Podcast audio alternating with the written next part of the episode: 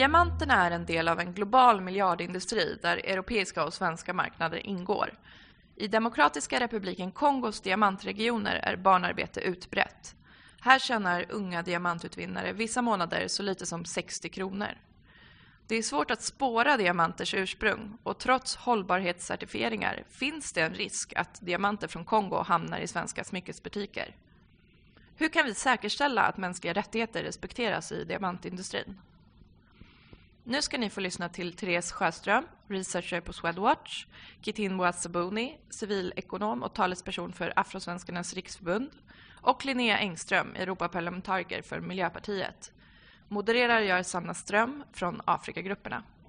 Samtalet spelades in den 17 mars 2017 och om ni vill se filmen från seminariet så hittar ni den på vår Youtube-kanal FUF Play. Så himla kul att se att ni är så många som är här idag som vill höra mer om diamanter och om mänskliga rättigheter och dess brister och fördelar.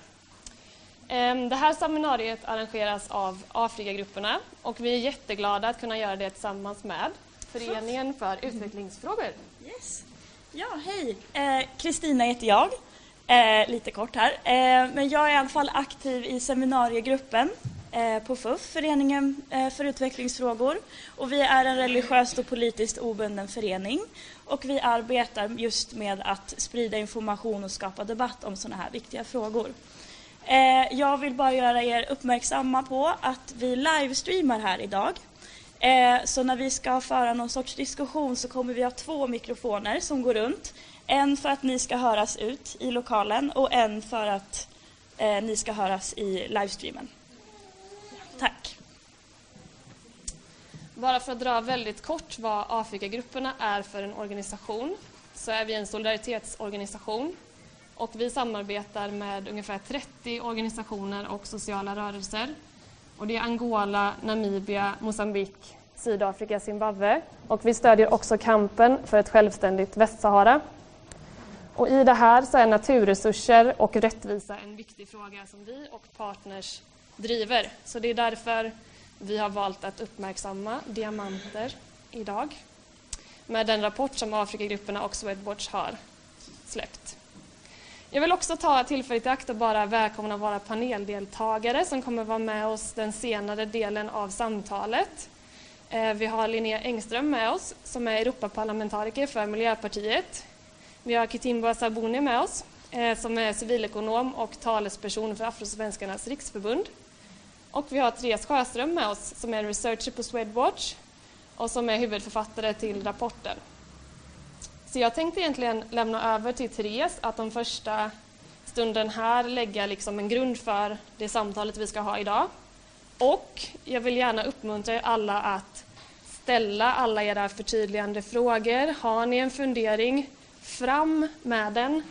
Eh, många har mycket erfarenhet i det här rummet, andra är mer nyfikna och vill veta mer. Och jag tänker att ansvaret hos de som vet mer är att fråga och eh, jag ser detta som ett tillfälle att också testa kunskaper och idéer. Så fråga, sitter ni på en fråga så sitter fler på samma fråga.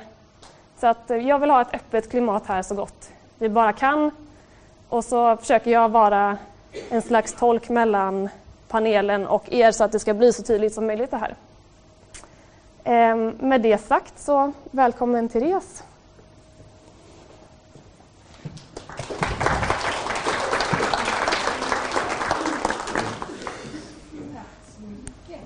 Eh, Sanna. Jätteroligt att se att så många är här. Jag är överväldigad att det finns så mycket intresse. Jag jobbar som researcher på organisationen Swedwatch. Och vi är en researchorganisation som fokuserar på just företagsansvar och mänskliga rättigheter. Ehm, vi sitter här i Stockholm, tio personer som har lite olika bakgrund. Journalister, statsvetare, jag själv, jag är jurister och så vidare. Ehm, men det vi gör, och det vi kanske är mest kända för, det är att vi släpper rapporter där vi tittar på just företagsansvar. Och, eh, så de ni ser här, det är ett urval av de drygt 85 rapporter som vi har gjort under åren sedan vi kom till för 13 år sedan. Rapporterna täcker en rad olika sektorer, olika företag, väldigt konsumentnära produkter eller saker som känns väldigt långt ifrån konsumenten. Men det alla rapporter har gemensamt, det alla våra granskningar har gemensamt, det är att vi tittar på hur påverkar företag människor och miljö i låglöneländer. Så vi tittar främst på eh, svenska företag eh, och hur de, eh, deras fotavtryck kan man säga i låglöneländer. Vi tittar också på svenska investeringar. Några av er kanske såg den rapport vi släppte förra veckan om eh, svenska bankers innehav i Borneo. Lite problematiska pro projekt där som kolgruvor och så vidare. Ehm, men när vi då, jo, en viktig sak som vi också ska säga det är att Afrikagrupperna sitter med i vår styrelse och det är totalt sex organisationer som gör det, så vi jobbar tillsammans. Ehm, när vi gör våra granskningar, våra rapporter, då är det väldigt viktigt för oss att vi har dialog med de företag som vi tittar på. Ibland tittar vi även på myndigheter och likaså där, att vi vill, vi är ute efter en dialog. Vi är inte ute efter de stora rubrikerna för att skapa skandaler. Utan vi vill ju pusha företag eh, och svenska staten att bli bättre hela tiden vad gäller de här frågorna. Och om man tittar då på hur det ser ut, vi som konsumenter befinner oss i ena sidan av ledet eh, men allting som vi konsumerar har ju en historia, en bakgrund och personer bakom sig så det är långa led. Ibland eh, har ju företag tusentals eh, underleverantörer och så vidare så det kan vara väldigt komplexa kedjor. Jag har lagt på en liten box här för att illustrera att när vi gör våra granskningar av företag då är det inte som att vi tycker till vad de ska göra och hittar liksom, vad känns bra, vad tycker vi att de borde göra det. Utan vi grundar ju alla våra analyser av företagen på de internationella ramverk som finns. Och då är ju FN såklart eh, liksom en huvudaktör här, men även andra institutioner. Och nu i och med hela CSR-debattens, liksom, hur den har utvecklats under senaste år, så är det en konsensusområde nu. Företag måste respektera mänskliga rättigheter och då finns det olika hjälpmedel för dem, hur de ska kunna göra det här på bästa sätt. Och en grundbult i det här det är just konsekvensanalys, alltså att företaget själv tittar. Vad händer i våra led bakåt? Eh, och vad ska vi göra för att försäkra oss om att eh, vi inte bidrar till negativ påverkan för människorna som befinner sig med det längre bort i ledet? Ja, lite högre? Absolut. Vi gör sådär kanske? Yes, bra. Okej. Okay. Ska jag börja om?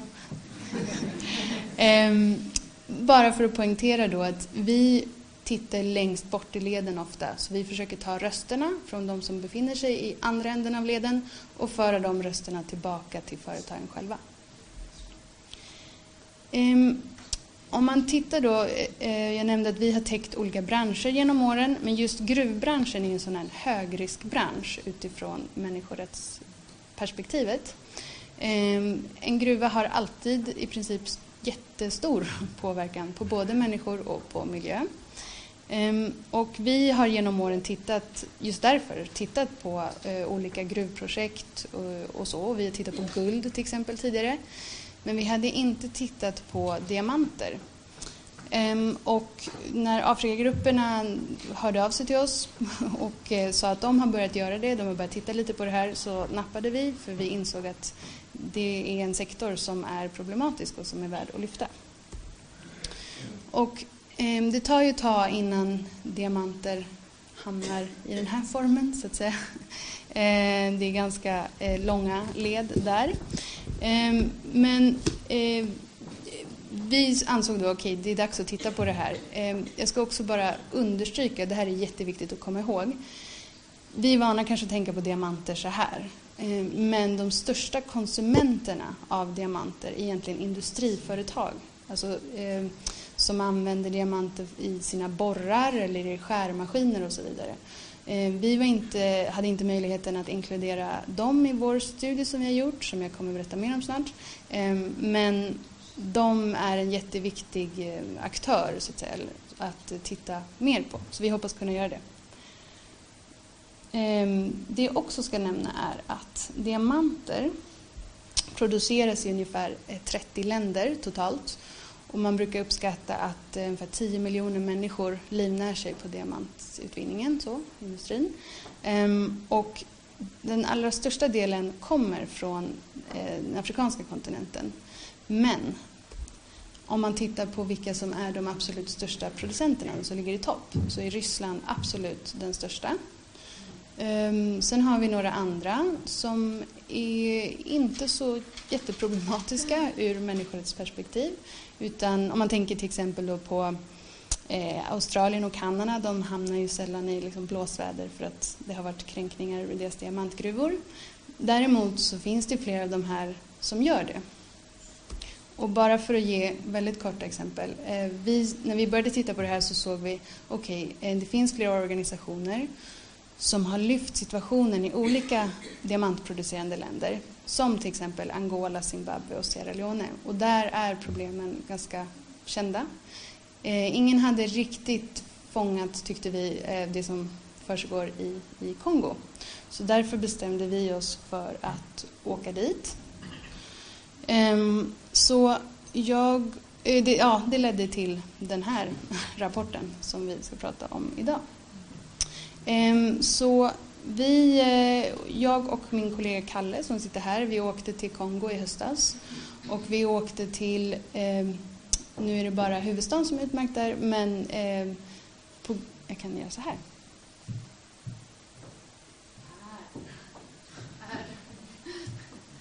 där är en av de främsta diamantregionerna. Eh, så vi åkte dit, vi var där i ungefär två veckor. Vi intervjuade mm, folk som arbetar i gruvorna, eh, de som var tonåringar och hade jobbat ett tag, föräldrar, lärare, läkare och så vidare, eh, för att höra hur situationen ser ut.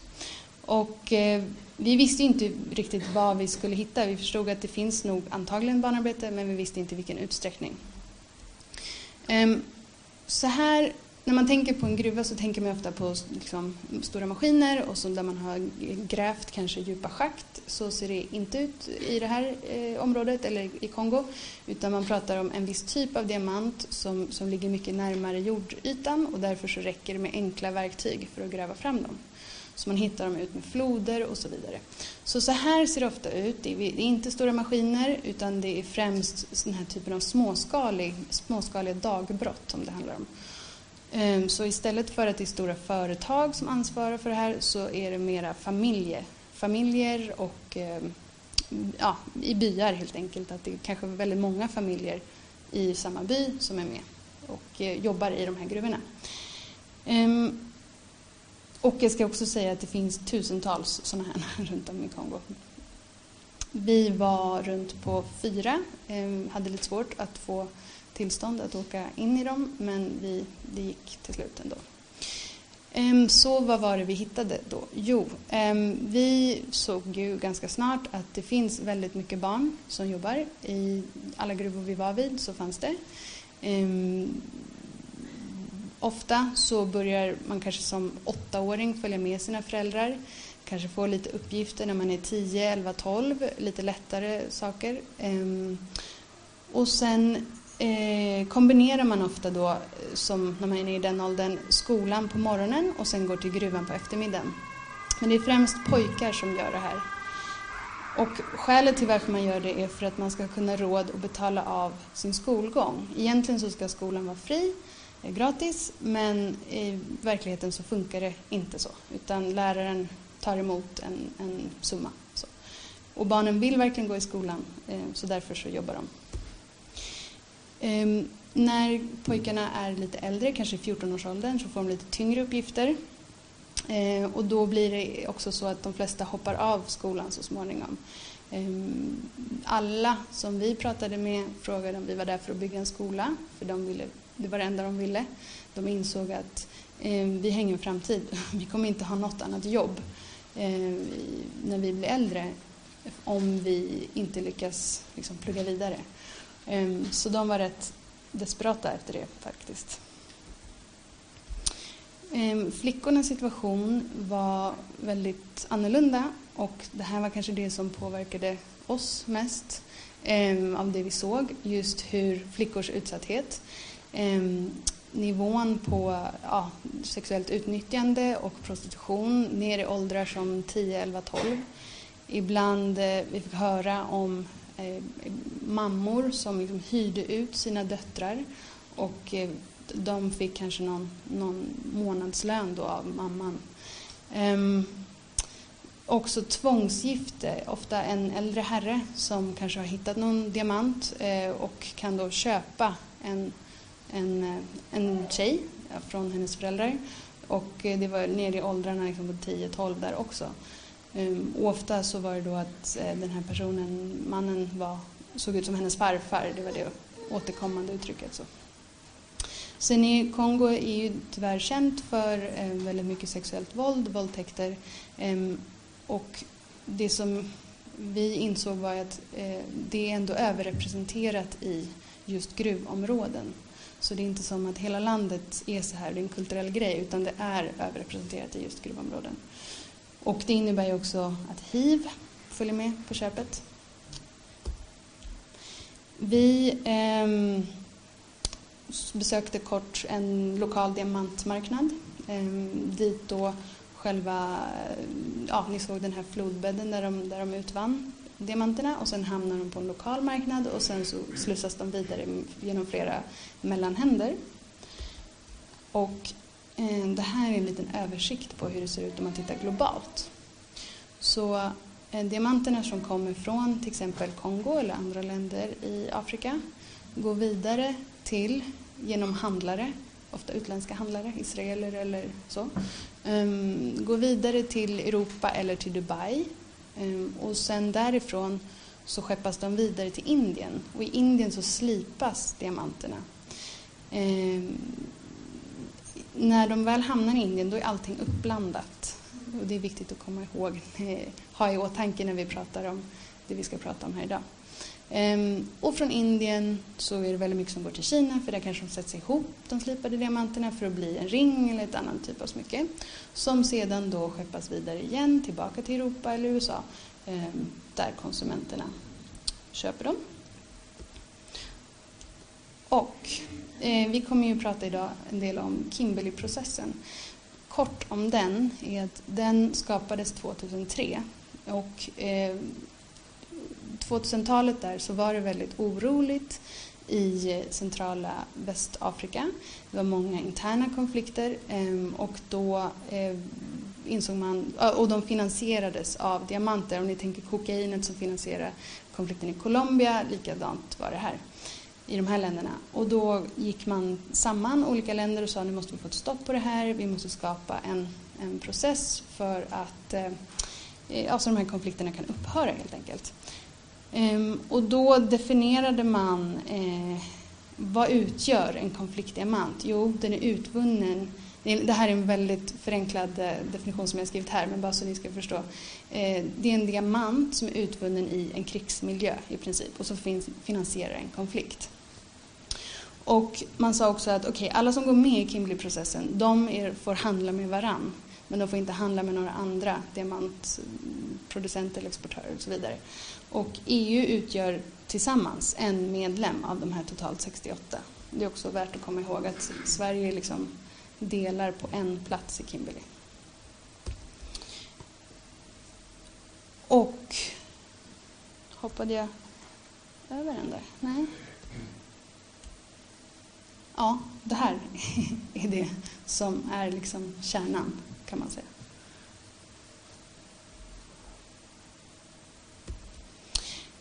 Det här innebär också att eh, de här konflikterna som, som var då bakgrunden till varför Kimberley-processen startade, de upphörde eh, runt samma tid som faktiskt Kimberley-processen trädde i kraft. Så redan ganska tidigt så insåg man att oj, eh, den här definitionen av, av en konfliktdiamant är lite bökig för just nu så är det ju inga konflikter riktigt. Och um, idag så säger man av Kimberley-medlemmarna så är det bara Elfenbenskusten som är i konflikt. Och det innebär att 0,1 procent av diamanterna som tradas med globalt faller inom eh, definitionen av vad som utgör en konfliktdiamant. Medan då 99,9 procent betraktas som konfliktfria. Så att givet de här faktarna så är det ganska tydligt att Kimberley-processens egen definition av vad som utgör en problematisk diamant är förlegad. Dessutom så finns det andra problem med själva Kimberley-processen. Eh, jag kommer inte gå in på dem i detaljer men de här är också väldigt välkända problem och som är värda att eh, ha i åtanke också. När vi gjorde rapporten så tittade vi på sju svenska smyckesföretag. Jag kommer inte gå in på så mycket vad vi hittade där för att vi har inga smyckesföretag här idag och ska vi prata om dem så vill vi gärna att de har chansen att och liksom representera sig själva. Eh, men det vi gjorde eh, rent översiktsmässigt var i alla fall att vi frågade dem utifrån då de här normver- eh, ramverken som jag visade bild på innan. Hur jobbar ni med till exempel eh, ja, riskerna eh, som ändå är rätt välkända kring diamanter? Hur jobbar ni med dem? Vad har ni för policy som barnarbete och så vidare? Ehm, och eh, vi fick inte så mycket respons på, på vår förfrågan. Ehm, vi kommer att kontakta dem igen och se om de vill fortsätta dialogen. Vi vill det. Ehm, I veckan så träffade vi en branschorganisation eh, som representerar många smyckesföretag, vilket var jättebra och vi kommer fortsätta dialogen även med dem. Så vi, vi tappar inte bollen, även om det var trögt i början, så hoppas vi att fortsätta. Eh, det som vår rapport inte säger det är att de här smyckesföretagen de är inte skyldiga eh, det menar inte vi, att de, är, att de är skyldiga till hur det ser ut i Kongo. Eh, och vi säger inte heller att man med all säkerhet kan veta att diamanter hamnar i Sverige, ehm, eller hur mycket. Men det vi säger är att är, vi har tittat på Kongo och som är en stor producent och det finns flera länder som har liknande typer av dynamik kopplad till diamantutvinningen. Dessutom om man tittar globalt på all diamantutvinning så är 20 procent eh, utvinns på just det här småskaliga sättet. Och bara det i sig eh, är en väldigt stor eh, är förenat med mycket risker så man ska ha det i åtanke också. Um, sen så är det just det här, det här med de globala, hur det ser ut globalt med strukturen, hur allting är uppbyggt med handeln, som gör att det är nästan omöjligt att veta var diamanten kommer ifrån. Um, precis, så därför så finns det en risk att diamanter som är problematiska hamnar i Europa och i Sverige. Och det man då kan säga som slutsats är ju då att ja, gruvsektorn är en högrisksektor, det vet vi, det är inte bara vi som säger och därför så är det extra viktigt att företag är medvetna om det och tar sitt ansvar. Och alla våra rapporter eh, har eh, rekommendationer i sig, så även den här. Så det här är vad det är vi kommunicerar till företagen. Och framför allt så eh, uppmanar vi dem nu att eh, följa OECDs ramverk som är ett otroligt eh, användbart ramverk som riktar sig till företag. Ehm, och det kommer vi ta med oss nu när vi, när vi fortsätter prata med dem. Och vi tar också med oss det när vi pratar med politiker för att det gör vi också. Och vi riktar rekommendationer till svenska regeringen. Och det vi eh, främst, vår liksom huvudpunkt är att att de då ska um, yrka på att det här OECD-ramverket ska in i Kimberley-processen för att stärka den, för att göra den mer relevant. Eller om det inte går att faktiskt få in den, för det är väldigt starka intressen i Kimberley-processen um, från olika länder, Dubai och så. Det är många länder som tjänar pengar på att det är så här um, svår med spårbarheten och så. Ehm, så vill vi att i så fall så ska den ersättas med någonting som faktiskt är mer relevant och som skyddar människorna längst bort. Ehm, nu så finns det ändå kanske en liten öppning, hoppas vi på. Ehm, I år så eh, ordförandeskapet för Kimberley-processen roterar varje år. Australien tog över nu i år, det är det jag försökte illustrera här. Och sen nästa år så tar EU över det där glada gänget. Eh, och då hoppas vi på att eh, nu finns det ändå en chans att, eh, att de här nya aktörerna kan, kan ehm, ja, förbättra och använda sin position nu för att verkligen få in OECD till exempel i, i det här ramverket och göra det mer så att det faktiskt skyddar de som behöver det.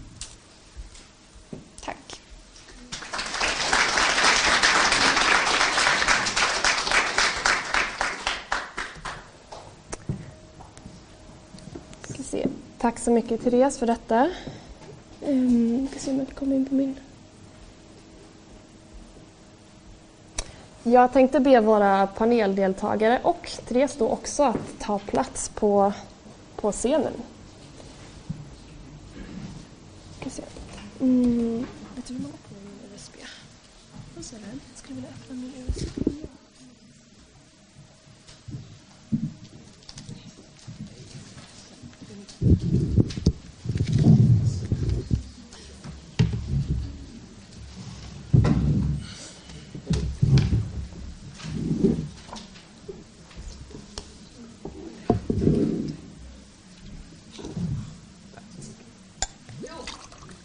Välkomna på scen. Och eh, vi är väldigt glada att ni alla kan vara här för att bringa lite ljus från olika perspektiv av eh, vad det innebär med diamanter och mänskliga rättigheter. Den sliden som ni har bakom er illustrerar lite grann hur det har sett ut att försöka inkludera mänskliga rättigheter i Kimberley-processen tidigare, för det har gjorts.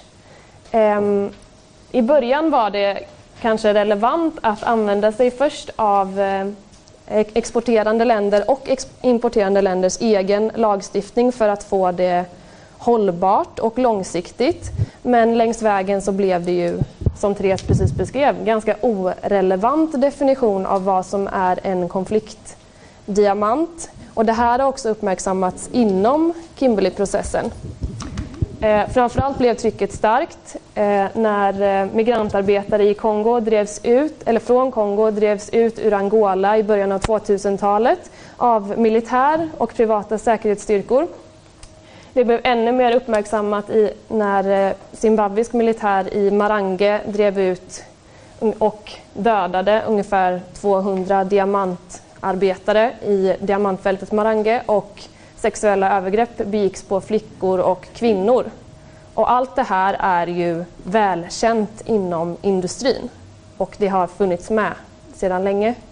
Eh, ett kort exportförbud från Kimberleyprocessen utfärdades då mot Zimbabwe men det bröts upp igen trots att övergreppen fortsätter att pågå och det är väl dokumenterat.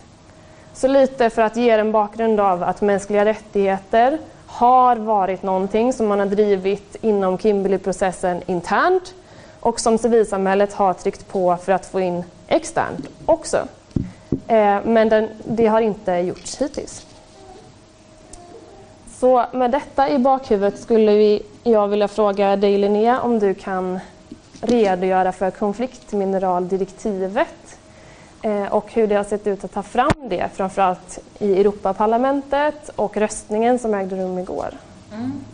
Tack eh, först för att jag har fått komma hit. Det, hör ni mig? Går det bra om jag använder den här mikrofonen så här? Okej, okay. jag ska prata i den. Okej. Okay. Och nu har jag lyckats ta loss den här också. Eh, Okej, okay. eh, jag hoppas att ni hör mig. Jag ska börja med att säga att eh, jag är då EU-parlamentariker för Miljöpartiet. Eh, tack för att jag får komma hit idag. Jätteviktigt och eh, utmanande ämne verkligen. Jag, är då vice ordförande i fiskeutskottet så att jag kommer dra en del paralleller till mitt arbete inom fiske. Och hur det hör ihop med diamanter, det är då det får ni veta snart.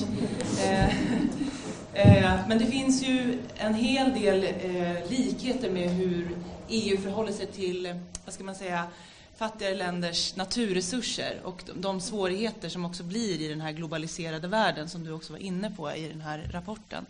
Hur jag personligen kom in på den här frågan, det handlade ju mycket om eh, övergrepp, de sexuella övergreppen, massvåldtäkterna får man väl ändå säga på kvinnor och barn i, i eh, Demokratiska republiken Kongo. Och eh, vi började titta på det då förra, under valrörelsen egentligen och innan det för jag har en eh, kollega som eh, arbetar där nere då med med de frågorna helt enkelt och som träffade många av de här. Och ni vet också kanske möjligtvis att förra året så fick ju Dennis Mukwege, doktor Dennis Mukwege, eh, EUs Sacharovpris för just det arbete han gör för att ta hand om offren för det här eh, övergreppen som ju begås av eh, väpnade grupper i Kongo som har ehm, som egentligen då får sina medel och pengar från handeln med konfliktmineraler.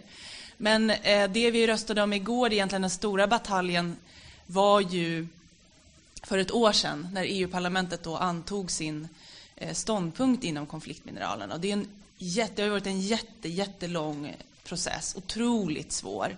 Och det är väl ganska tydligt för mig också i det här systemet att eh, EU kan då med ena handen dela ut ett pris till en människorättsförsvarare, eh, aktivist, fantastisk person eh, som försöker komma åt, som egentligen försöker eh, mota konsekvenserna av den här handeln i grind. Och med andra handen eh, handla med de här mineralerna och egentligen inte vilja göra någonting åt grundorsakerna.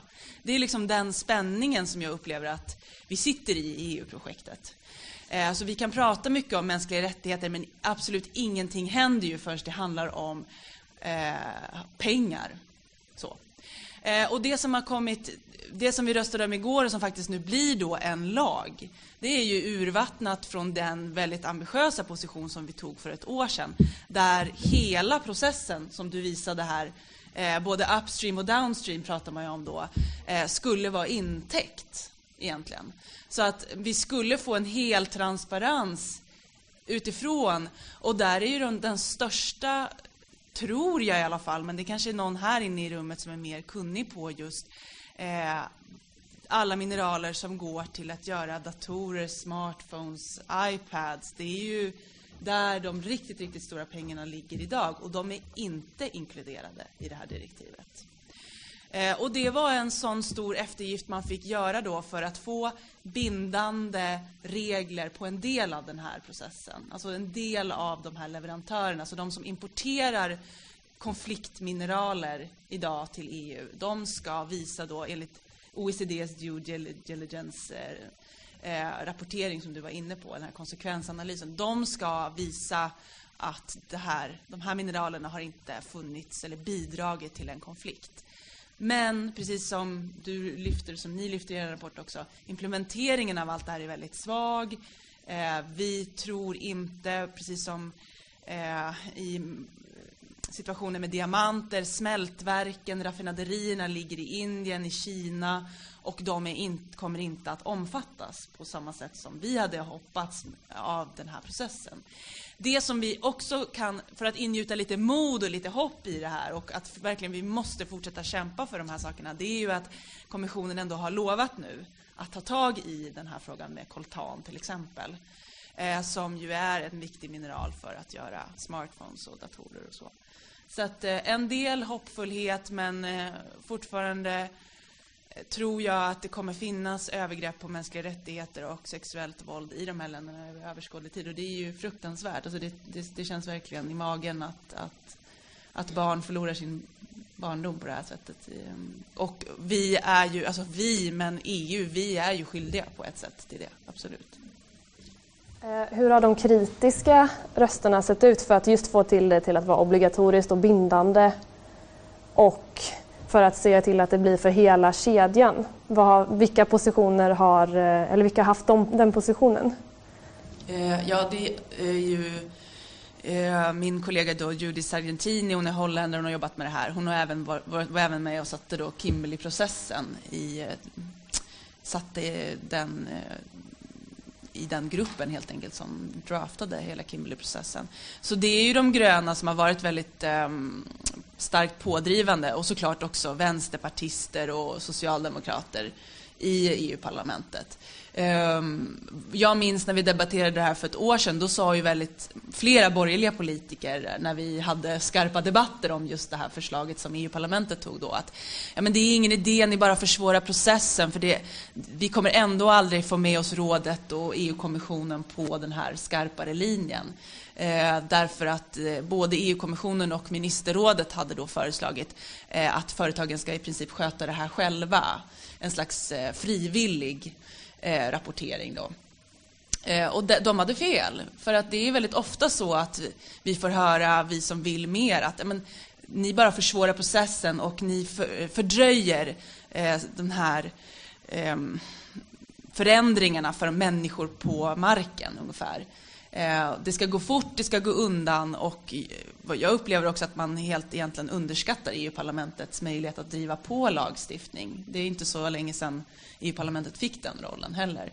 Eh, och nu har vi ändå fått, vi gick absolut inte hela vägen, men vi har ändå kommit en, en bit på väg genom en bindande lag på en, en liten del. Och det visar i alla fall, jag, tycker jag, att man ska inte gå på det här med att vi hela tiden ska sänka oss till någon slags lägsta nivå. Det finns alltid möjlighet, möjlighet att kämpa, men precis som i allting, det är enskilda individer som måste lägga all sin tid och all sin kraft på det här.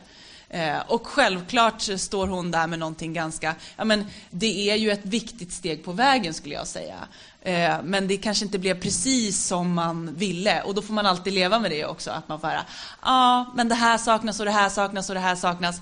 Ja, men om det inte finns de människorna som är liksom villiga att ändå kämpa för det där lilla, då, då, då lämnar vi helt walk-over till de krafter som bara vill att det här ska fortsätta på det sättet. Så jag, jag, tycker ändå att det är viktigt att det finns de här galenpannorna som orkar kämpa. Ja.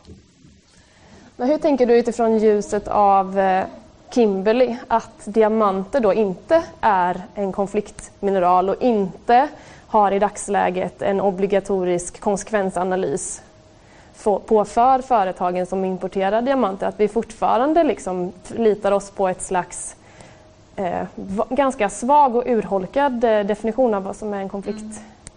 Nej men det, det är dåligt. Alltså det, jag, vet inte, jag kan inte säga någonting annat än att jag tycker att att det är företags ansvar att eh, se till att mänskliga rättigheter respekteras i länder. Och det här är eh, den stora diskussionen som man alltid har. För är inte det en slags kolonialism då att säga att men vi, vi kan inte köpa era naturresurser för att eh, ni tar inte hand om er egen lokalbefolkning.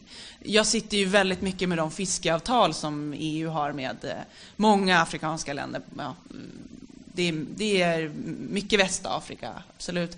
Och eh, där ser vi, vi vet att det är svag förvaltning och korruption som förhindrar att, att det här kommer att satsningar, eh, alla de pengar vi betalar till infrastruktursatsningar till exempel, kommer lokalbefolkningen till del. Eh, ska vi då säga att nej, men vi har inga fiskeavtal överhuvudtaget? Eh, det vi har fått med oss hela industrin på, vi sitter ju och förhandlar den lagstiftningen just nu, bara för att ta ett annat exempel. Det vi har fått med oss EU, den europeiska industrin på då, det är ju att ja, men vi ska leda racet till toppen ungefär. För att annars kommer det in andra oseriösa aktörer som Kina och Ryssland och, och Taiwan och Korea och eh, man får liksom, och det är självklart så att det säkert spelar in i eh, den här diamanthandeln och eh, mineralhandeln också. Att eh, om inte vi handlar, då är det ju den här globala konkurrensen med andra stormakter som tar över marknaden. Och, och så, vi sitter ju, det, det är, vi är väldigt förlamade av hela diskussionen kring Kina för att nej, vi kan inte göra någonting för då förlorar vi konkurrensmöjligheter gentemot Kina. Så det är ju, det är ju väldigt skrämmande. Jag tror ju inte att vi kan konkurrera med någonting annat än just miljöhänsyn och mänskliga rättigheter. Vi är, I den globaliserade världen så kommer vi aldrig kunna sänka löner eller subventionera vår ekonomi på det sättet som Kina kan göra. Så att det enda EU kan konkurrera med är ju bättre standarder. Eh, och ja, vi får, man får försöka driva det helt enkelt. Men om jag tolkar dig rätt då så ser du ändå en öppning i att kunna driva på även för att inkludera diamanter framöver? Ja, alltså det, det, var ju väldigt spännande att ni sa att EU är ordförande i den här processen nästa år. Det visste inte jag. Eh, och nu har ju också i det vi klubbade igår då, så har ju, finns det då en eh, paragraf där EU-kommissionen säger att vi ska ta nästa steg. Vi ska titta över hur vi ska ta nästa steg med konfliktmineraler. Eh, om man nu inte anser att diamant är en konfliktmineral, då blir det ju kanske svårare. Är det ja. rätt att ha förstått det som att definitionen är breddad nu? Att det dels handlar om eh, konfliktområden men också högriskområden. Så att man har redan i konfliktmineraldirektivet börjat bredda upp vad som är konflikt och vad som är problematiskt utifrån ett hållbarhetsperspektiv. Ja, men om det inte är någon konflikt eller högrisk, ja, högriskområde då för kränkningar mot mänskliga rättigheter skulle man ju behöva ha då. Och, och, det vet inte jag om det ligger i den definitionen som är idag. Men eh, ja, det skulle ju behöva... Ja, då tänker jag att man, hela, att man resonerar så här. Nej, men det är ju den här nationalstatens problem. Att de kränker, att de begår övergrepp på sin lokalbefolkning kan inte vi göra någonting åt inom EU. Så det, det är hela tiden den här balansen mellan att, ja, ni, ni förstår själva, det, det, det är den svåra spänningen man sitter i helt enkelt. Ja. Är det någon som vill ställa någon fråga av förtydligande slag om vad som har sagts nu? Ja? Jag tänkte på vad betyder att England går ur? Alltså, Britain går ur. Eh, de måste, I de här frågorna är de ganska eh, aktiva och starka. Kommer det här att försvaga EUs möjligheter? Jag upprepar frågan bara för streamingens skull. Att vad, vad betyder det att eh, Storbritannien går ur? kommer detta försvaga möjligheterna? Att Storbritannien går ur är inte positivt för någonting egentligen, för det försvagar hela unionen. Eh, och det gör att EU blir en svagare spelare på den, i, i, i, globala processer. Så om vi pratar om förhandlingar med, med andra stora nationer som USA, som eh, Kina, som Ryssland, eh, Indien eh, och så, då är ju EU försvagat just nu. Så det är inte positivt på något sätt. Tack. Ehm, um, Kitimbwa, jag tänkte be dig att uh, dra lite utifrån afrosvenskarnas perspektiv av utvecklingssamarbete med DR Kongo. Um, ehm, hur du ser på diamanthandel och handel globalt. Ja, um, tack så mycket. Ehm, jag kan ju berätta eh, kort om Afrosvenskarnas riksförbund som organiserar eh, människor med bakgrund i afrikanska länder i Sverige. Och eh, vi har sedan ungefär 10-15 år sedan bedrivit projekt i olika afrikanska länder med stöd av Forum Syd, bland annat DR Kongo. Och där, har vi, där jobbar vi just nu med ett projekt som handlar om att överföra kapaciteter, eh, framförallt i form av kunskap, för att eh, stödja just nu unga kongoleser till att vara demokratiska subjekt och aktörer som kan utkräva ansvar från eh, makthavare men också delta i, i, i den demokratiska processen. Och eh, det som slår mig när vi håller på med det här det är eh, vilken, vilken oerhörd engagemang det finns för politiska frågor Eh, för att vara med i den demokratiska processen. Och skulle jag säga, egentligen ingen brist på de här kunskaperna. Jag tycker att eh, eh, de människor vi har att göra med, unga kongoleser, är mer politiskt medvetna än de genomsnittliga svenskarna och intresserade och engagerade. Sen finns det ju mycket svårigheter och utmaningar i Kongo just nu och till exempel att många inte går i skolan och så vidare. Så det finns ju en klass av människor som inte har tid att engagera sig alls.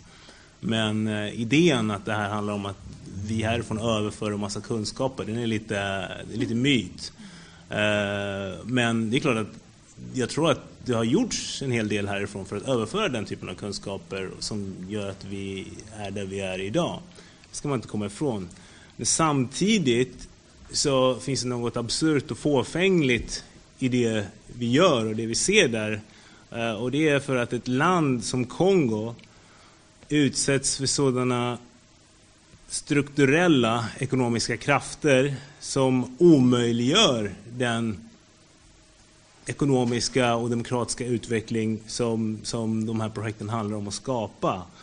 Eh, och de krafterna kommer också härifrån. Eh, Eh, och ha med våra företags flödesekonomier att göra, alltså med våra värdeskapande kedjor.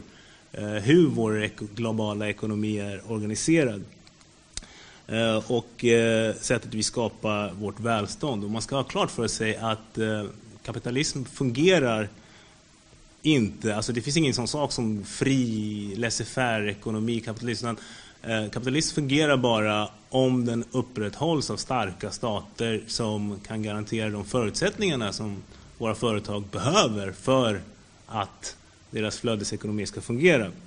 Eh, så staterna i nord, som jag tycker Linnea var inne på också, eh, är, viktiga spelare för att upprätthålla den här ordningen vi pratar om. Ehm, jag kan ju bara säga då lite om Kongos historia också, att vid självständigheten 1960 Eh, så var det ju så att USA var det land som hade tryckt på efter andra världskriget för att européerna skulle släppa sina gamla kolonier. Men direkt när vi fick en nationalistisk eh, ledare, en afrikansk nationalist, vilket är inte riktigt samma sak som en europeisk nationalist, eh, som trodde på att Afrikas ekonomi skulle vara till för afrikaner och så vidare. Då, då grep ju amerikanerna in tillsammans med belgare för att återställa den koloniala ordningen där framförallt Belgien eh, exploaterade eh, Kongos mineralresurser. Eh, och det kastade in landet först då de här 32 åren under Mobutu som många känner till, den här eh, stöldekonomin, kleptokratin, ur vilken eh, Nords företag kunde eh, fortsätta sina värdeskapande kedjor. Och sen det vi har haft efter 1997 då Mobutu föll, som är totalt havererad stat. Och fascinerande nog, under de förutsättningarna kan man också Eh, göra eh, sina pengar i, i Kongo. Så att det är i de här ekonomiska förutsättningarna som gör det väldigt svårt att få till den här typen av positiv utveckling som vi vill ha. Och det finns ju en FN-rapport som beskriver det här också ganska bra om konfliktmineraler i Kongo där svenska företag som Lundin Mining nämns och så vidare. Har ett tillägg Linnea eller en fråga? Men jag vill egentligen bara haka på det som ni kommer in på nu. Därför att, eh, jag brukar åka, jag åker mycket med Brussels Airlines då, ner till Bryssel och eh, där kan man ofta se en väldigt så här, glassiga reportage om den nya häftiga modeeliten i eh, eh, någon stor eh, afrikansk eh, storstad. Så här, och jättesnygga människor som står så här med någon drinkar och dyra bilar och så. Och de finns ju också.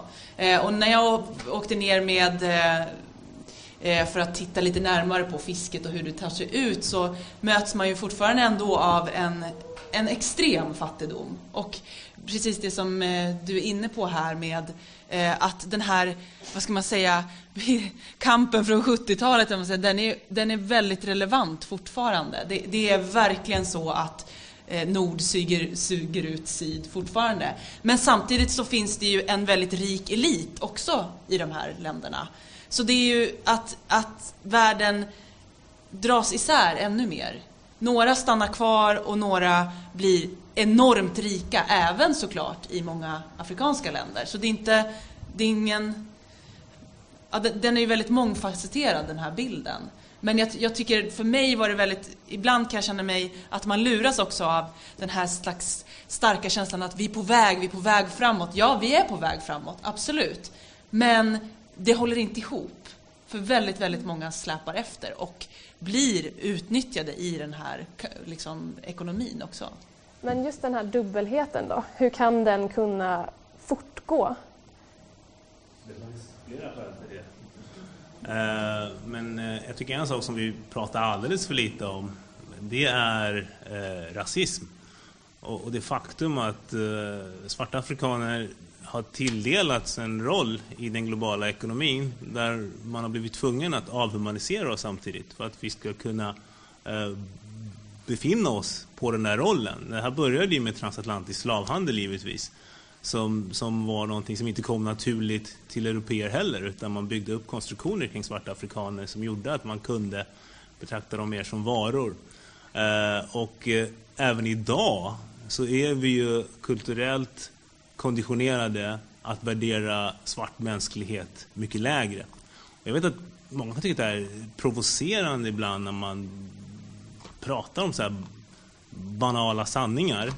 Eh, men, men det är ju faktiskt så. Titta bara på den här filmen Blood Diamond som gjordes med de allra bästa avsikter för att uppmärksamma människor just på konfliktdiamanter och de följder det har för Afrika.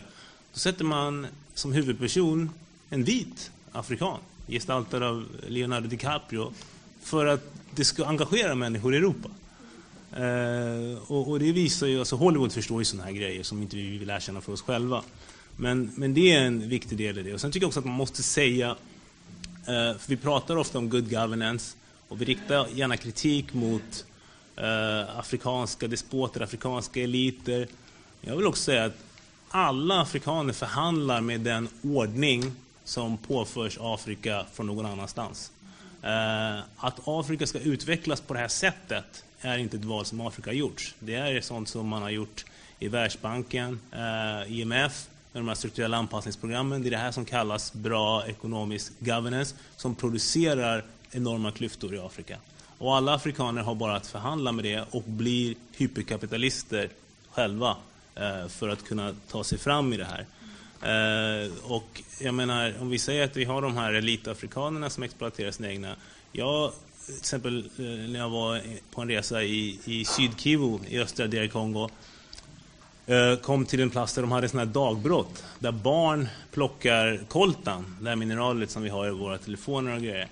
Och, och det är klart väldigt sådär bekymrande att titta på det där. Alltså, alltså det, det, var inte så att det såg ut som att det fanns någon med en piska runt omkring. Men de här barnen där plockar och fixar, de är ganska små, 10, 11, 12.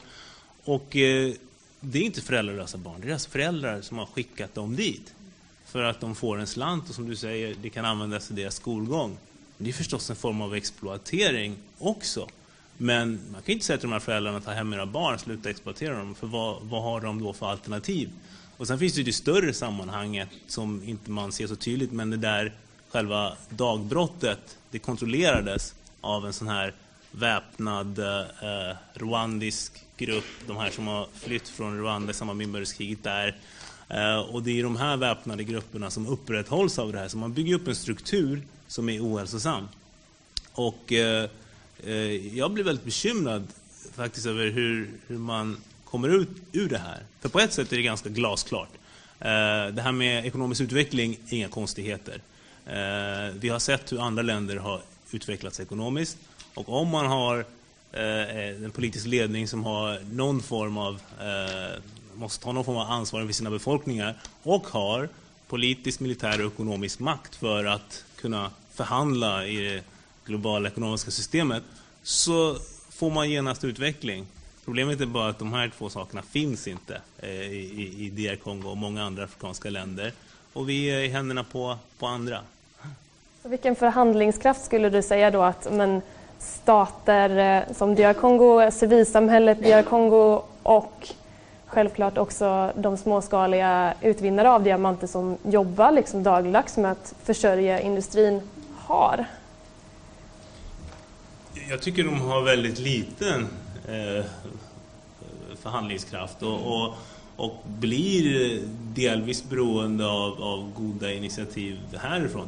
Jag, jag tycker att eh, vi, vi som vill vara då globala aktivister för global rättvisa eh, vill ju ha resultat och, och, därför är det viktigt att man gör saker som till exempel Swedwatch gör inom ramen för säg, det ekonomiska systemet ställer krav på företag och liknande att leva upp till eh, de krav som faktiskt finns redan, självklart. Men sen så eh, tänker jag också på att eh, eh, sen civilisationens början eh, när människor kommer samman och arbetar och det uppstår ett mervärde och det här ska fördelas eh, och vissa får mer än andra så har alltid de som har fått mer eh, producerat ideologi för att eh, försvara den här ordningen. Och eh, inte minst här i, i Europa och Nord de senaste 40-50 åren så har ju de som sätter upp det här globala finanskapitalet fått allt mer av, av kakan. Och det märker till och med vi. Och vad har de gjort? De har producerat massor med ideologi för att försvara den ordningen. Och vi som då eh, vill se global rättvisa, jag tycker vi har blivit lite så här vi har backat lite inför det där, inför det där systemkritiska. Att prata om kapitalism och system och hur problematiskt det är för att man avfärdas som konstig eller orealistisk och så vidare. Så vi går liksom inte in på grunden till vad, vad, vad, vad världens problem är utan vi jobbar hela tiden på en nivå där vi försöker hantera skadan. Eh, och jag tycker på många sätt att det vi ser i DR Kongo, 6 miljoner döda, när det dör så många människor då blir det bara statistik, eh, jag tror det var Lenin som sa det eller något. Men 6 miljoner döda eh, är en externalitet, en ekonomisk externalitet som de här människorna i Kongo betalar. Precis som miljöförstöring är en ekonomisk externalitet som företag inte bär själv. Och det visar någonstans på ohållbarheten i det system vi har. Mm. Så de frågorna tycker jag också man ska kunna prata om på det sättet. Om vi tar just det vidare då, eh, som globala rättviseaktörer och som villiga att ta ett mer strukturellt grepp kring vilka eh, handelsmönster som har och hur företag är inblandade i det här och stater som både importerar och exporterar och just utifrån diamanter då som är vårt ämne för dagen. Ha, alltså, har um, ramverk som är gjorda av OECD, av FN, av EU, har de en roll att, att spela? Nu öppnar jag upp så att ni alla kan svara i panelen lite mer fritt eh, och tänka kring detta. Ja, jag hugger direkt. Ja. men eh, det är klart att de eh, har en roll att spela. De sätter ju en norm i alla fall, i bästa fall. Och eh, kan ju på något sätt eh, visa vart skåpet ska stå. Men det är självklart, många av de här företagen är ju väldigt ljusskygga. Man får liksom aldrig någon man får aldrig tag på personerna. De, de sitter ju minsann inte i några paneler eller kan ställas till svars på något sätt. Eller, Eh, det, det är liksom skal på skal på skal och vi kommer aldrig nära dem som politiker eller som lagstiftare överhuvudtaget. Så att eh, de som verkligen kan göra en jättestor skillnad, det är ju företagen. Hur ska man då komma nära dem? Jo, de måste ju se att det finns en ekonomisk vinning i det här. Eh, det, det är jag var helt övertygad om. Eller att de kan glida på de här eh, corporate social responsibility sakerna och så. Eh, nu har vi ju, eh, jag tänkte på det du sa om rasism och det är alltid en, då kommer vi in på de här riktigt tunga, svåra frågorna som vi behöver prata om när det gäller det här också. Eh, och jag såg, eh, det var en, en artikel jag bara skymtade förbi ett sånt här sociala medieflöde om en ett stort klädföretag i Sverige. Jag ska inte nämna företagsnamn såklart, men, men som också har gjort, eh, skickat ner en, en svensk eh, fotomodell till jättefattiga kvinnor som står på ett bomullsfält eh, och bara det är modernt, det är härligt, eh, nu eh, vi kan använda giftfria kläder och eh, Eh, om man vet lite, lite mer om hur, vad bomullsindustrin innebär för klimatet och för vattenanvändning i de här extremt fattiga länderna. Och jag tror att den typen av diskussioner är ju jätte, jättebra. Det är bra att, de här, att företag gör bort sig så att vi får upp diskussionen och att det kan delas i sociala medier och spridas till så att vi får en medvetandegörande. Eh, både, för det var ju både en slags klimatfråga kombinerat med eh, så här, vithet, makt, eh, rasism, allting i en härlig blandning på något sätt. Man kan inte komma undan att, det, att konsumentmakten spelar väldigt, väldigt stor roll här. I alla fall är det det alla företag säger. För om vi inte ska gå tillbaka, om vi, om vi som politiker har väldigt, väldigt svårt att på något sätt vara systemkritiska, ja, det är i princip omöjligt. Det, det, har jag upplevt väldigt mycket, att man måste lägga sig väldigt nära den här eh, vad ska man säga, dominerande ekonomiska teorin. Då får vi ju helt enkelt se till att eh, företag gör bort sig på det här sättet så att vi kan få upp diskussionen till konsumentnivå. Vad, är, vad, vad handlar det här om egentligen? Eh, och, och det, det kan göra skillnad. Du var ju inne väldigt mycket på era projekt och engagerade medborgare.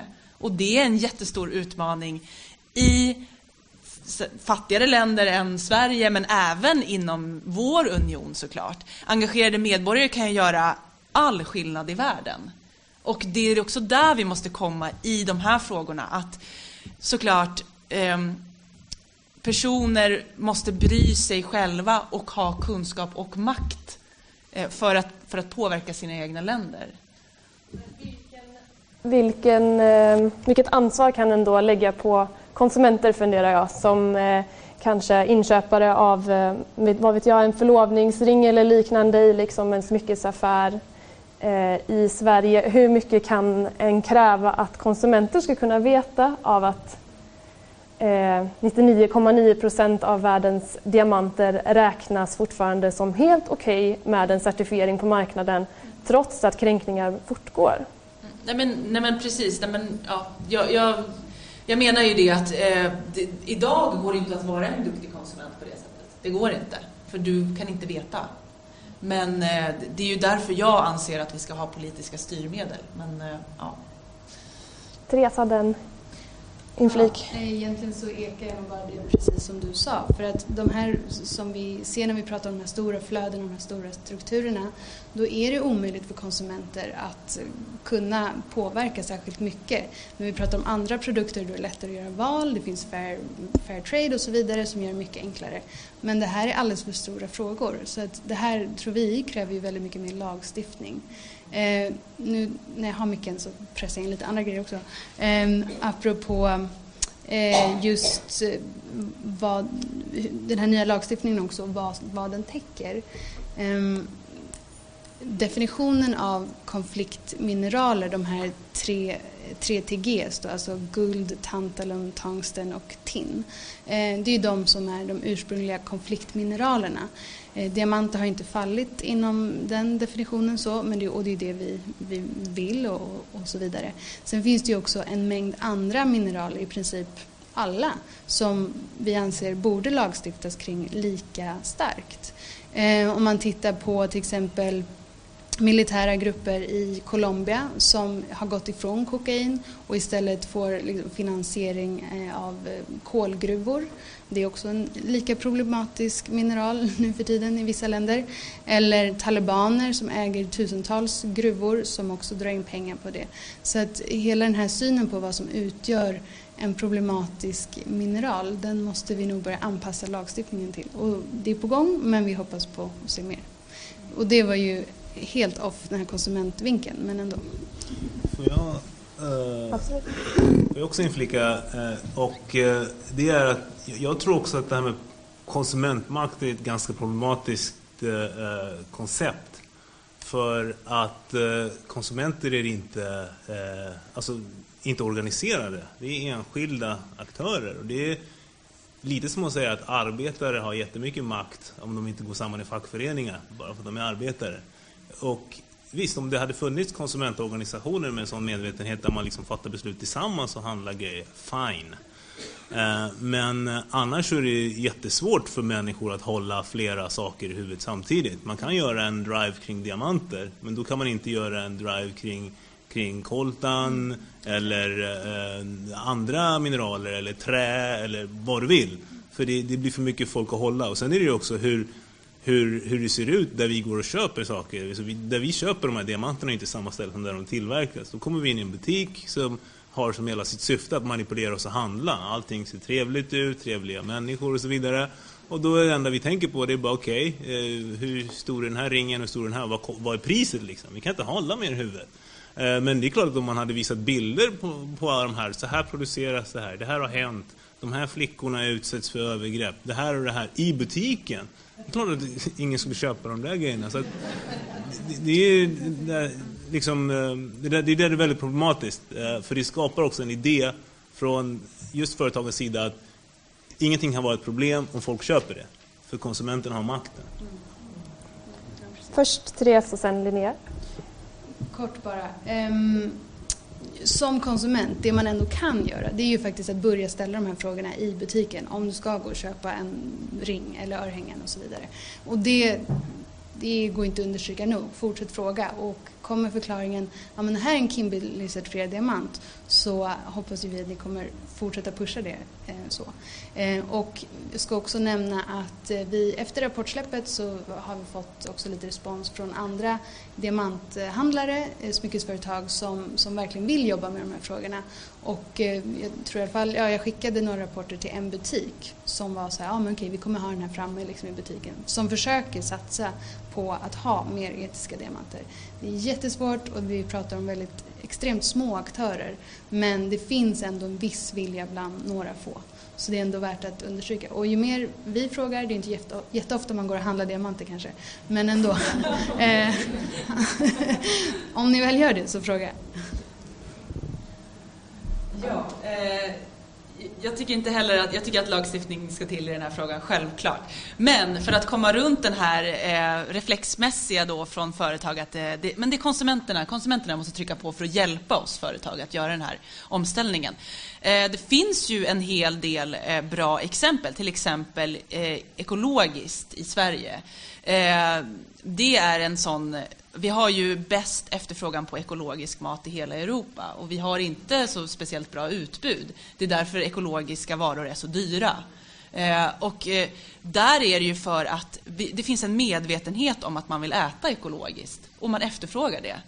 Så att jag tror ändå att det kan finnas en, en stark... Sen är det, det är ju rätt det här med att konsumenter är en så stor grupp så att det, det blir nästan det blir löjligt att prata om.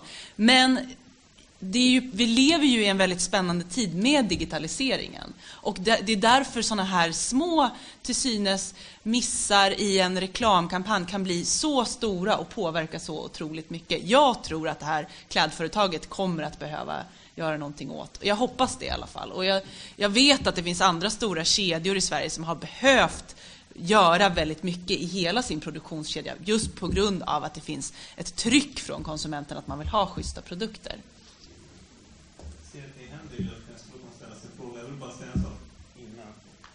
Jag, jag tycker strikt moraliskt så har vi ett ansvar allihopa för vad vi köper, för vi blir en del av någonting större då. Men jag vill ändå säga att jag tycker det är problematiskt att just när det kommer till sig afrikaners liv, att vi lämnar det åt konsumenten. Mm. Vi går inte till apoteket och de har så här giftiga mediciner ute och säger så här, men det är upp till konsumenten att köpa det som är okej. Okay är ni med? Då är, skyddar vi oss med regler.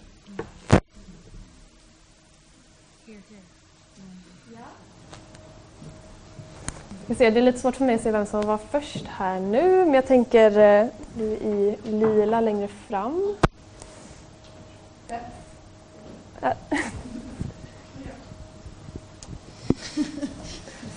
ja.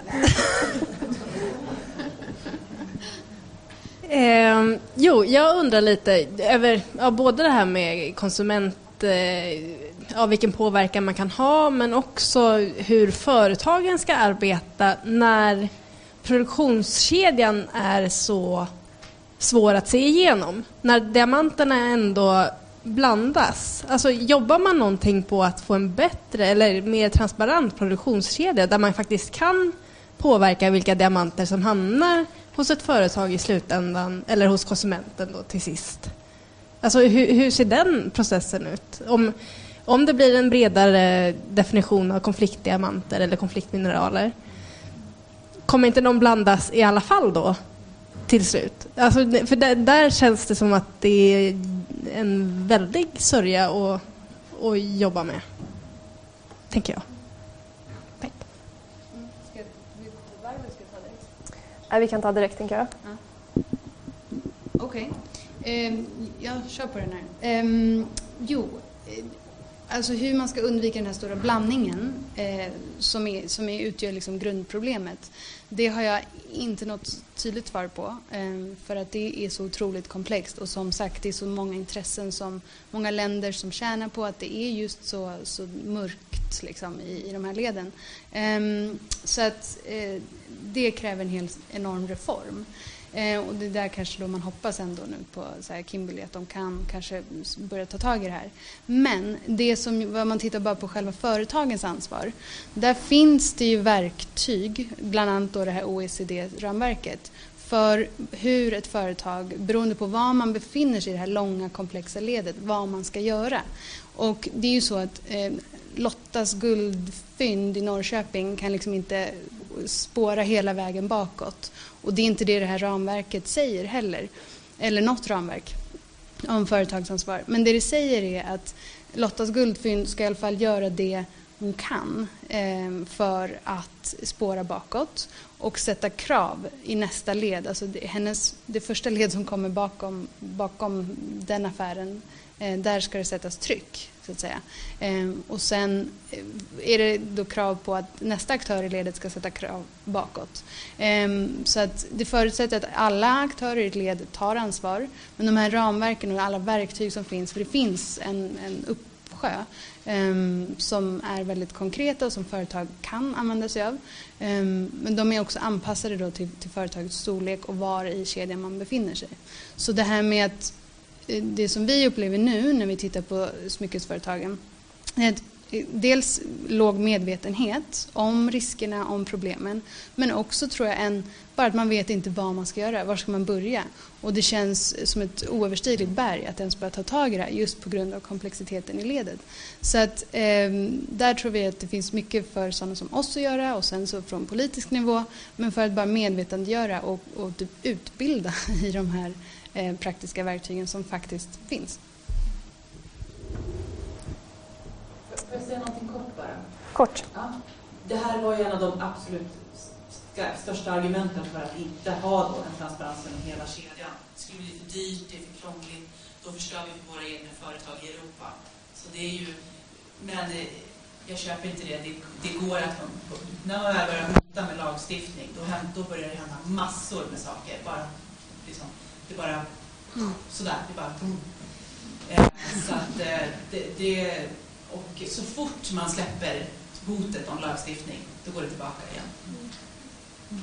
Jag tänker också att lagstiftningen är en lika behandling där gentemot alla företag lika. Så att det även faktiskt också efterfrågas av företag för att ha samma nivå. Att det inte är en goodwill och någon slags add-on utan att det är lika. Mm. Ska se nästa. Jag tänker att vi kanske ska ta två frågor åt gången då. Så så provar vi på det viset. Ja, Lennart Wåhlgemot från ja, styr, FUFs styrelse. Eh, tre kommentarer. Den första gäller eh, konsumenternas påverkan. Ja, det är rätt alltså att enskilda konsumenter kan ju inte göra särskilt mycket. Men tillsammans, har ni ju redan sagt, kan man göra rätt mycket. Vad som pågår just nu under Agenda 2030, det är väldigt intressant. Där försöker man nu att samla de representanterna för de finansieringsorganisationerna, typ alla AP-fonder och liknande och försöker övertyga dem att ha vissa, viss moral i samband med deras investeringar. Och man har kommit ganska långt vad gäller ekolog, eh, ekologiska och eh, det, har påbörjat diskussioner om mänskliga rättigheter och liknande. Så där kan man komma. Och där behövs det konsumenttryck, för även där.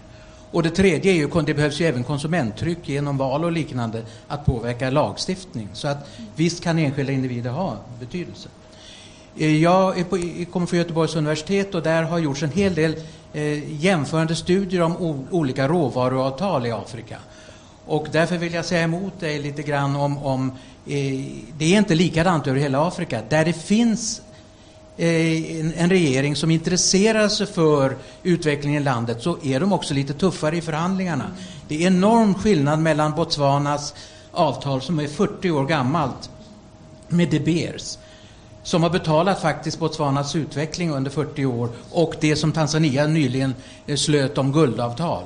Där kappas ger någon som helst eh, stöd för, för utvecklingen i Tanzania. Så det är skillnad alltså och därför så är det alltså det, det är två, två spelare här. Dels är det företagen som borde på ett helt annat sätt leva upp till sina CSO-åtaganden. Å andra sidan regeringarna i landet som ju och det, jag tycker inte man ska underskatta afrikanska eh, ledare. De ska kunna även förhandla. Det tredje, en annan uppsats som har gjorts, väldigt intressant, om Kimberleyavtalet där man intervjuade eh, eh, försäljare i Amsterdam. Det är, mest av diamanterna säljs ju i Amsterdam. Och det visar ju att de har ju ingen hum om det här, alltså, mm. om kedjorna eller någonting. Och där finns ju väldigt mycket att göra ett, EU för, ett förslag till EU att arbeta med, med, med, direkt med dem som arbetar med det här.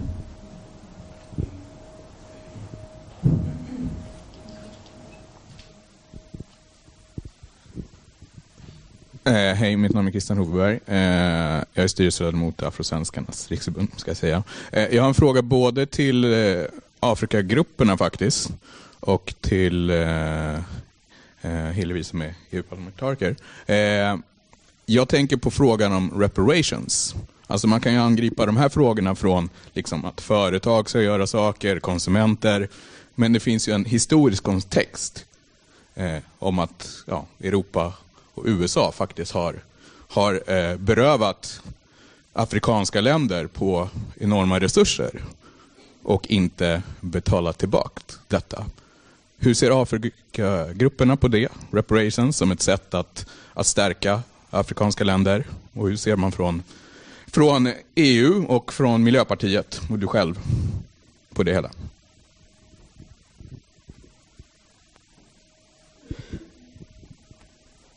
vi ta en till? Eller? Eh, hej.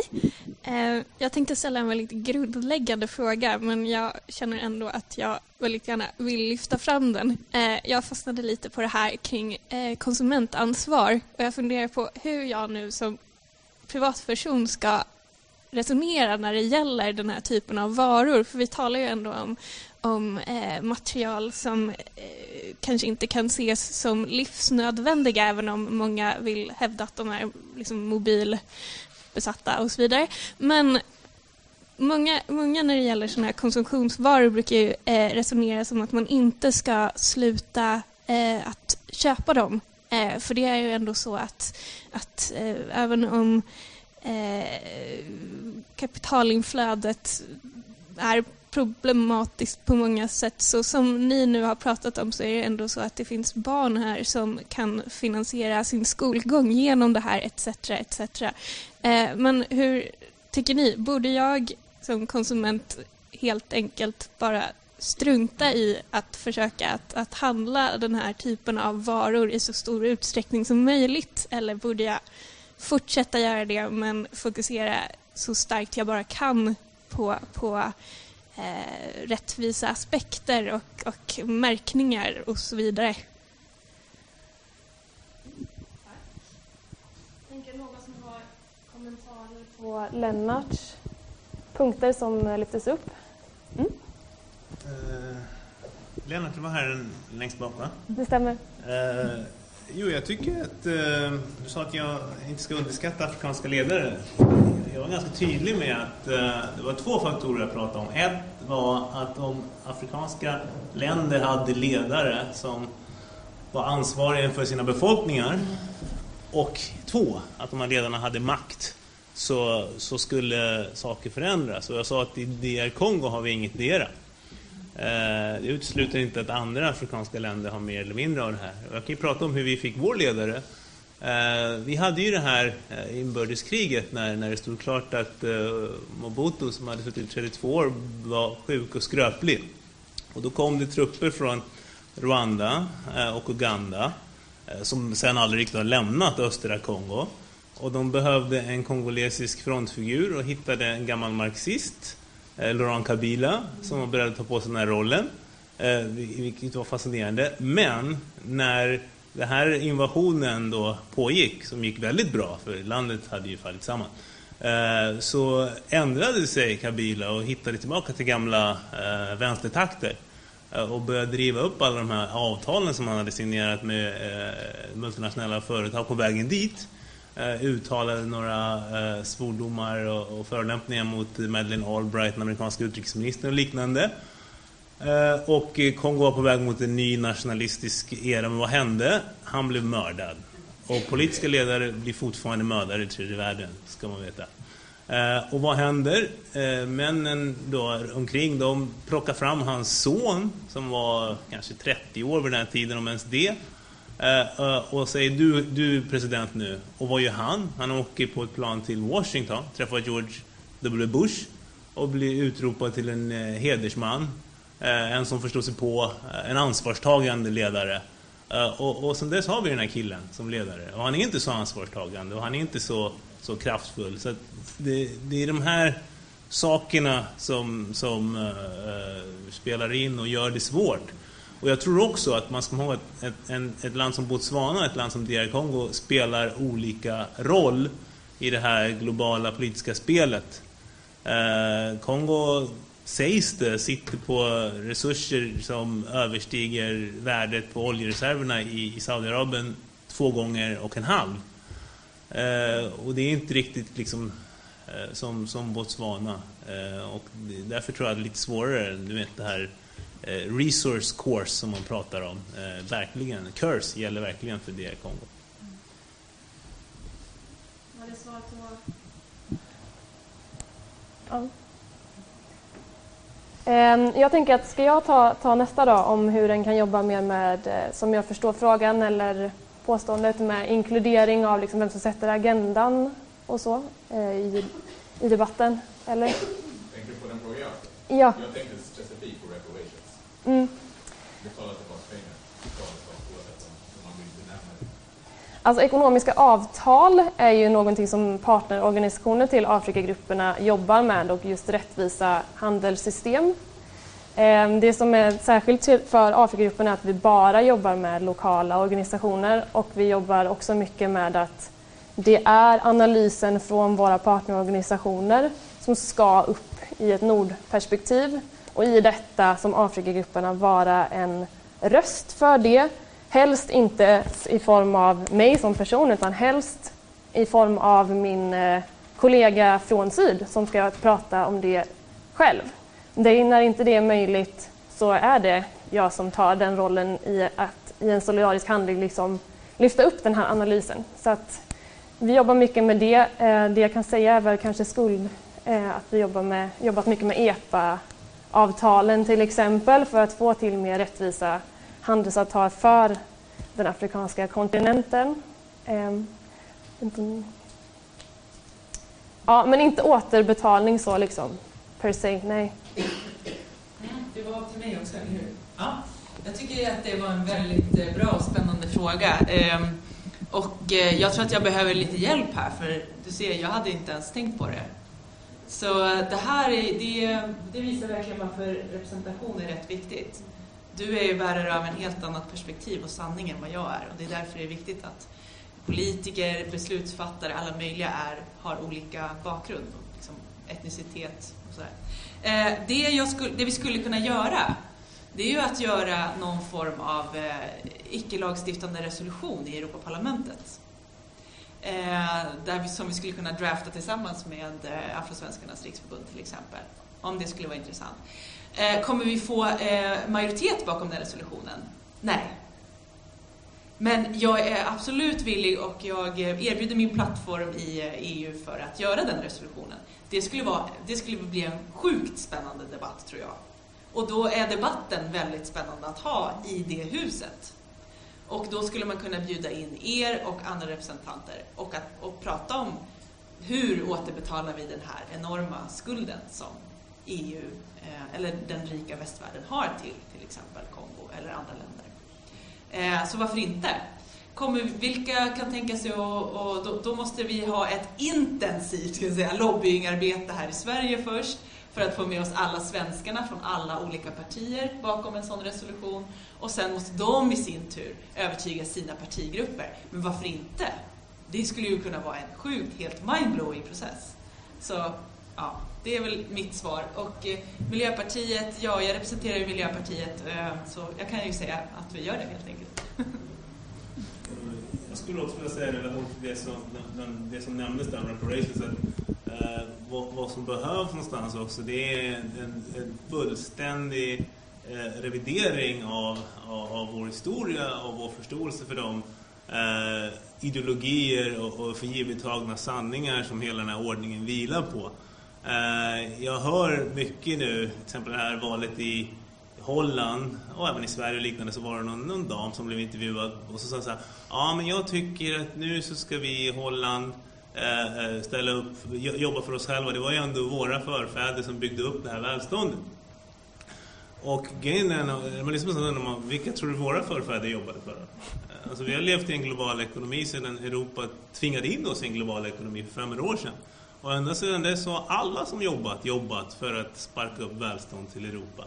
Eh, och, och, den där eh, sanningen går många förbi, även välmenande människor. Så i grund och botten har man den här idén om att när man gör någonting för syd så gör man en, en välgärning och inte en återbetalning.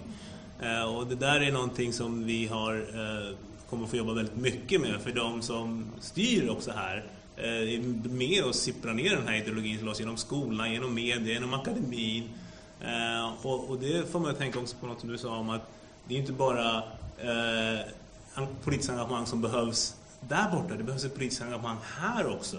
De vanliga människor har faktiskt övergett det här med att ja, vi ska vara med och påverka, vi ska engagera oss tillsammans och lämnat det åt sina då, byråkrater och sina företagare mm. väldigt mycket. Och det finns ju människor som har en moralisk kompass och skulle vilja se en annan värld. Och då behöver man ju eh, komma samman för att få komma till rätta med det. Och en sak till jag bara vill säga det är att vi måste också komma över den här idén om att Eh, att syd ska kunna få det bättre eller ska kunna få rättvisa utan att man i någon mening ska få det ekonomiskt sämre här. Eh, för ekonomiskt sämre tror jag att man kommer få här som ett resultat av det. Eh, men det betyder inte att livet blir sämre. Man kan leva ett bättre, mer fulländande moraliska liv och harmoniska. Eh, men den här ackumulationen av kapital som har gått hitåt, liksom, den, de strömmarna kommer ju gå åt andra hållet och har redan börjat göra det. Någon mm. Ja. Eh, jag kommer tillbaka till det här med konsumentfrågan. Väldigt kort men väldigt konkret. Eh, när vi pratar om de här typerna av mineraler, kanske inte just diamanter men ändå de här konfliktmineralerna som vi alla har i våra kylskåp och så vidare, datorer. Eh, kort men konkret, eh, på arbetsplatsen, fråga hur ni köper in datorer. Är de ehm, certifierade på något sätt? För det finns ändå hyfsade certifieringar nu inom eh, IT-sektorn och så vidare. Ehm, era barns skolor, vilka datorer köps in där? Ehm, det, ju mer sånt tryck ändå, ju mer efterfrågan, desto mer så kommer det ju certifieras. Så att det var kort, kort svar på din fråga. Ja, men jag vill också knyta an till det som du sa och säga att det, det lilla, det räcker. Alltså, det är lätt att bli överväldigad och få så här, det här enorma dåliga samvetet och bara, jag måste rädda världen. Men det behövs ju inte. Man kan göra små saker. Eh, och bara att du är här idag och för det vidare. Det räcker gott. Alltså det, vi måste få den här känslan av att alla kan påverka, alla är viktiga. Det är engagemanget som är det viktiga. Eh, jag, jag, försöker också jobba med de här stora globala frågorna, jag blir också ibland väldigt överväldigad av allt som ska fixas. Men eh, jag, jag tror väldigt mycket på att jobba med dem som är nära och försöka övertyga dem och sen så eh, i det långa loppet så kommer vi att eh, skapa någonting bra. Jag tror faktiskt helt ärligt att eh, Afrika kommer inte behöva, Afrika behöver inte Europa, det är tvärtom. Och eh, eh, det kommer vi få se prov på eh, ännu mer i, i framtiden, för det är där alla naturresurser finns. Mm. Så det är ju att, eh, att göra precis det som Afrikagrupperna, Swedwatch eh, och ni gör också i Afrosvenskarnas riksförbund, att stötta det lokala, eh, de lokala eh, förmågorna. Det är där det kommer hända och eh, det är precis att vi måste ha en, en stark befolkning som ställer krav på, på ledarskapet som vi har varit inne på här. Jag tänker vidare också på det här, på att, just som du sa, att ehm, eh, vem, vilka som kapitaliserat ideologin och vilka som kunnat sätta agendan i vilka ramverk vi har idag. Jag tänker att det är en jättestor del till att en definition så urholkad som konfliktdiamanter fortfarande finns. Att den som eh, i slutändan köper en produkt är så distanserad från var det utvinns någonstans och i det här är det en kontinuerlig process hela tiden, tänker jag, att som privilegierad vit svensk lyssna mer. Ta till sig, lyssna och kanske inte liksom ta, ta platsen. För, alltså lyssna till de analyser som redan finns hos eh, lokala organisationer och hos de som frågan berör mest. Tack för att du lyssnat på FUF-podden. FUF är en förening som sprider information och skapar debatt om globala utvecklingsfrågor. Mer information om vår verksamhet hittar ni på fuf.se.